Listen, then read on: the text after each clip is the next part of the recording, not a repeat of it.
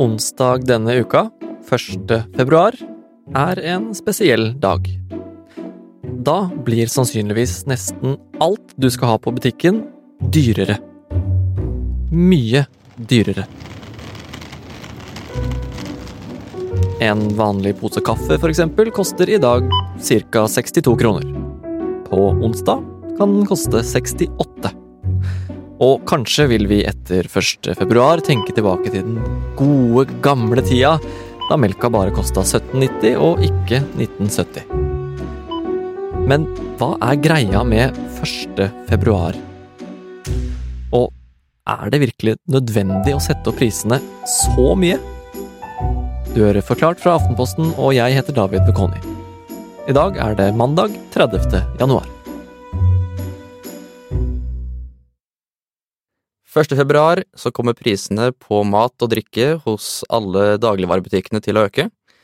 Det er normalt at prisen settes opp denne dagen, men nå er de ventet å øke ganske mye. NRK har en sak der de har snakket med anonyme kilder i dagligvarekjedene, og de antyder prisøkninger på opp mot 10% Hans Mortensen Jorheim, økonomijournalist i E24. Du er den som har dykka ned i dagligvarebransjen i E24 det siste året. Er egentlig 10% økning så mye, da? Ja, det høres kanskje ikke så mye ut hvis du tenker på én vare, men hvis du ser på alle utgiftene som du har på dagligvare på en måned, så kan 10% bli ganske store summer. Hvis jeg f.eks. går inn på Forbruksforskningsinstituttet SIFOs kalkulator for forbruk, og sjekke hvor mye en person på min alder i snitt bruker på dagligvarer i dag, så får jeg opp ca. 4500 kroner i måneden. Hvis de prisene øker med 10% på onsdag, så er jeg oppe i nesten 5000 kroner i måneden i stedet.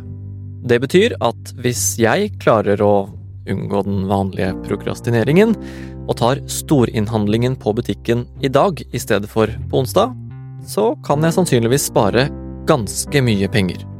Men hva er det som er så spesielt med akkurat 1. februar?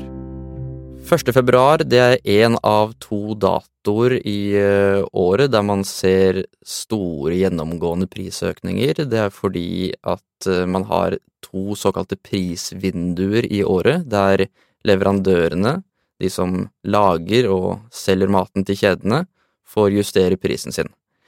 Da har de vært eh, gjennom harde forhandlinger i månedene før med, med kjedene Gjennom eh, høsten så er det gjerne ekstra harde forhandlinger frem mot eh, februar, det kalles høstjakten.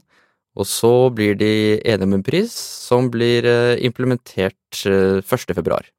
Så det er noen som har bestemt rett og slett at 1. februar og 1. juli, da kan prisene justeres, ingen andre datoer i løpet av året? Dagligvarekjedene justerer jo prisene opp og ned gjennom hele året, men de prisene de får inn fra leverandørene, kan justeres kun disse to gangene. Ok, Så hva er grunnen til at det er forventet en så kraftig prisøkning akkurat nå, da? Det har vært en generell høy kostnadsøkning for dagligvarekjedene siden krigen i Ukraina brøt ut, og det har bare tiltatt gjennom året. Forrige gang de justerte prisene, 1. juli, så fikk man tatt noen av disse kostnadsøkningene, men det har bare fortsatt. Det har vært eh, høyere priser på råvarer, på emballasje, på frakt, så totalt sett så ligger det an til at det skal bli betydelig høyere priser. Også Statistisk sentralbyrå peker på økte priser på råvarer, gjødsel, transport og energi. Dyrere mat er en naturlig konsekvens av det.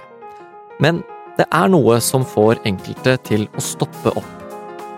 For matprisene øker mye mer enn andre varer.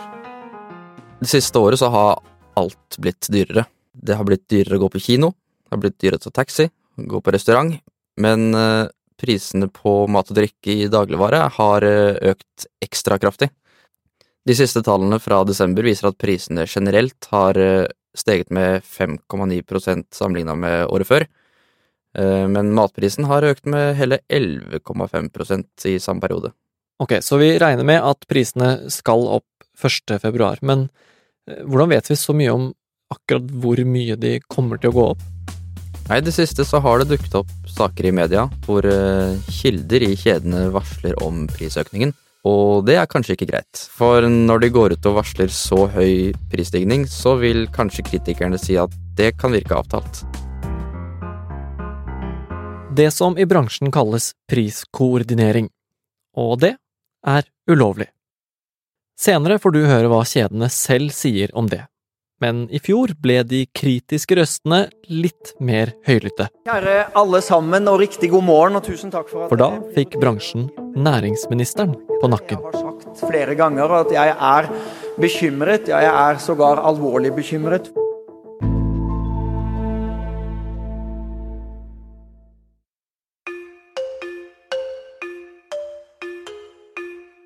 Vi er usikre på hvordan denne prisdannelsen skjer. Det er ikke alle tallene vi forstår, og det kan være grunnlag til å stille spørsmålstegn ved om det er usunne konkurransetilstander som gjør at det norske Hans Jorheim i E24. Hvorfor kan ikke dagligvarekjedene gå ut i media og, og varsle om høyere priser? Er det ikke greit for kundene å være litt forberedt, da? En sånn type signalisering det kan ses på som eh, prissamarbeid. Og det har eh, næringsminister Jan Christian Vestre gått ut mot dagligvarekjeden og sagt at eh, er problematisk. Ja, for prissamarbeid er eh, ikke bra. Nei, fordi det tror man at generelt skaper høyere priser. Hvis jeg som butikkeier får høre at nabobutikken skal sette opp prisene med 10% neste uke, så er det veldig få motiver jeg har for å ikke gjøre det samme. Og da, i stedet for at jeg konkurrerer hardt med butikken ved siden av, så blir det høyere priser enn nødvendig til kunden. Ja, for da kan du sette opp prisen uten å risikere å miste kunder til nabobutikken? Riktig. Derfor har vi Konkurransetilsynet, og de har eh, for noen år siden vært ute og gitt bøter for det de mener er prissamarbeid. Det virker jo litt vanskelig å skulle koordinere priser mellom alle aktørene i en hel bransje. Men dagligvarebransjen i Norge er dominert av bare tre aktører. Norgesgruppen, de som eier Kiwi, Meny, Joker og sånn, har nesten halvparten av markedet. Og så har du Coop, Extra, Mega, Prix osv. Og, og Rema 1000. Til sammen har de tre mer enn 96% av dagligvaremarkedet. Og nå vil altså næringsministeren passe på at det ikke skjer noe samarbeid mellom de tre. Han har også trukket frem at det er vanskelig å bli klok på hvordan prisene i bransjen settes. Eh, han eh, trakk forrige uke frem eh, at prisen på melk har gått betydelig mye mer opp til forbruker enn fra leverandør. Derfor har han satt i gang tre tiltak. Regjeringen sier den skal komme en usunn konkurransesituasjon i dagligvarebransjen til livs med nye tiltak. Nå vil regjeringa sette i gang flere undersøkelser i matbransjen. Han vil se på marginene i hele verdikjeden, dvs. Si fortjenesten til butikkene og leverandørene, hvor den ender opp. I tillegg vil han se på hvordan prisene settes, for akkurat det er ikke helt klart nå. Og så har han bedt Konkurransetilsynet om å skjerpe oppmerksomheten rundt prissignalisering. Altså å passe på at kjedene ikke varsler om hvor prisene skal ligge. Talspersoner for Norgesgruppen, Coop og Rema 1000 sier alle at de ikke kan kommentere hvordan prisene vil utvikle seg, og at de ikke driver med prissamarbeid.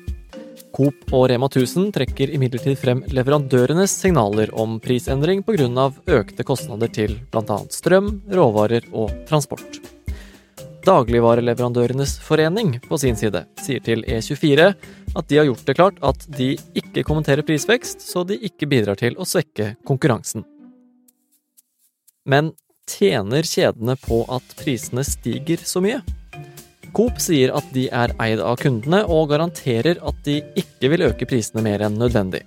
Rema 1000 sier de har tilnærmet like marginer i over 40 år, og Norgesgruppen sier lønnsomheten deres har gått ned og ikke opp.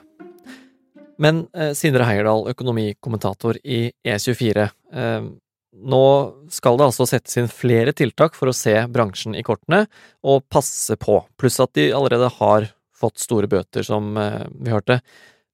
Er det synd på dagligvarebransjen? Nei, det er ikke synd på en bransje som har fostret så mange milliardærer, og altså en god del av Norges aller eh, rikeste. Samtidig så er det jo også sånn at kjedene ser sikringsskapet gå varmt, og priser på mye annet også stige, og vi vet ikke ennå helt hva slags marginer de har, da må vi vente på, på nye tall. Og så er det sånn historisk at de faktisk ikke tjener så veldig mye per vare solgt, men fordi omsetningen er skyhøy i denne bransjen, fordi vi alle må i matbutikken jevnt og trutt, så blir det jo da likevel så mange kroner til overs på bunnlinja til både familier som heter Reitan og Johansson og jeg vet ikke. Eierne av disse kjedene, altså. Nå er det jo da tre store aktører som er dagligvarebransjen i Norge. Hva gjør det med prisene for oss forbrukere? Her tror jeg vi må se hele det norske matsystemet under ett, eh, for i Norge er det få kjeder, tre altså, og få og klart eh, mest innenlandske leverandører bak dem. Og så hele den verdikjeden vi har i Norge er mye mer enfoldig og lite variert sammenlignet med de aller fleste andre land. Det begrenser konkurransen, og det er også oppskriften på mindre utvalg og høyere priser. Ok, Men hvorfor er det ikke da flere som utfordrer disse kjedene, da? F.eks. fra utlandet? Ja, her kommer eh, det viktige ordet importvernet inn. Et virkemiddel som er ment å beskytte norsk matproduksjon mot konkurranse fra importerte varer, sånn at det skal være mulig å drive landbruk i Norge. F.eks. ved at de som importerer mat, må betale toll men det bidrar også til å beskytte resten av verdikjeden. Leverandørene, matkjedene. Det gjør at det blir veldig vanskelig for utlendinger å etablere seg i Norge. Det blir vanskelig for utenlandske leverandører av alle mulige varer å selge til Norge. Det gjør altså at uh, vi blir et annerledeslandet også på mat her i landet, og det bidrar veldig til at uh, det er ekstremt mye dyrere mat enn i nesten alle andre land i verden.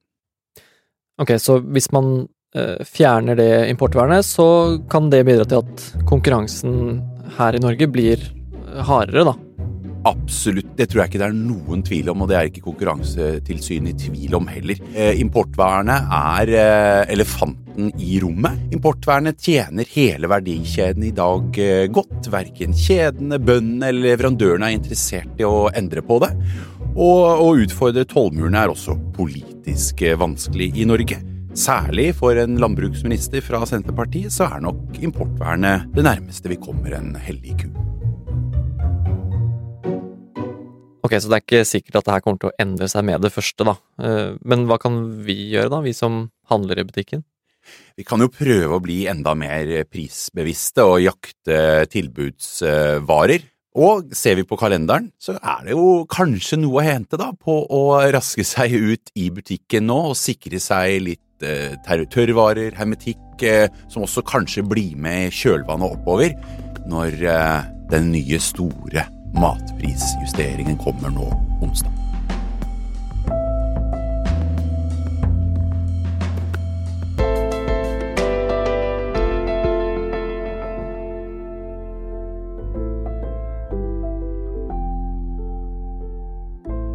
Du har hørt en podkast fra Aftenposten.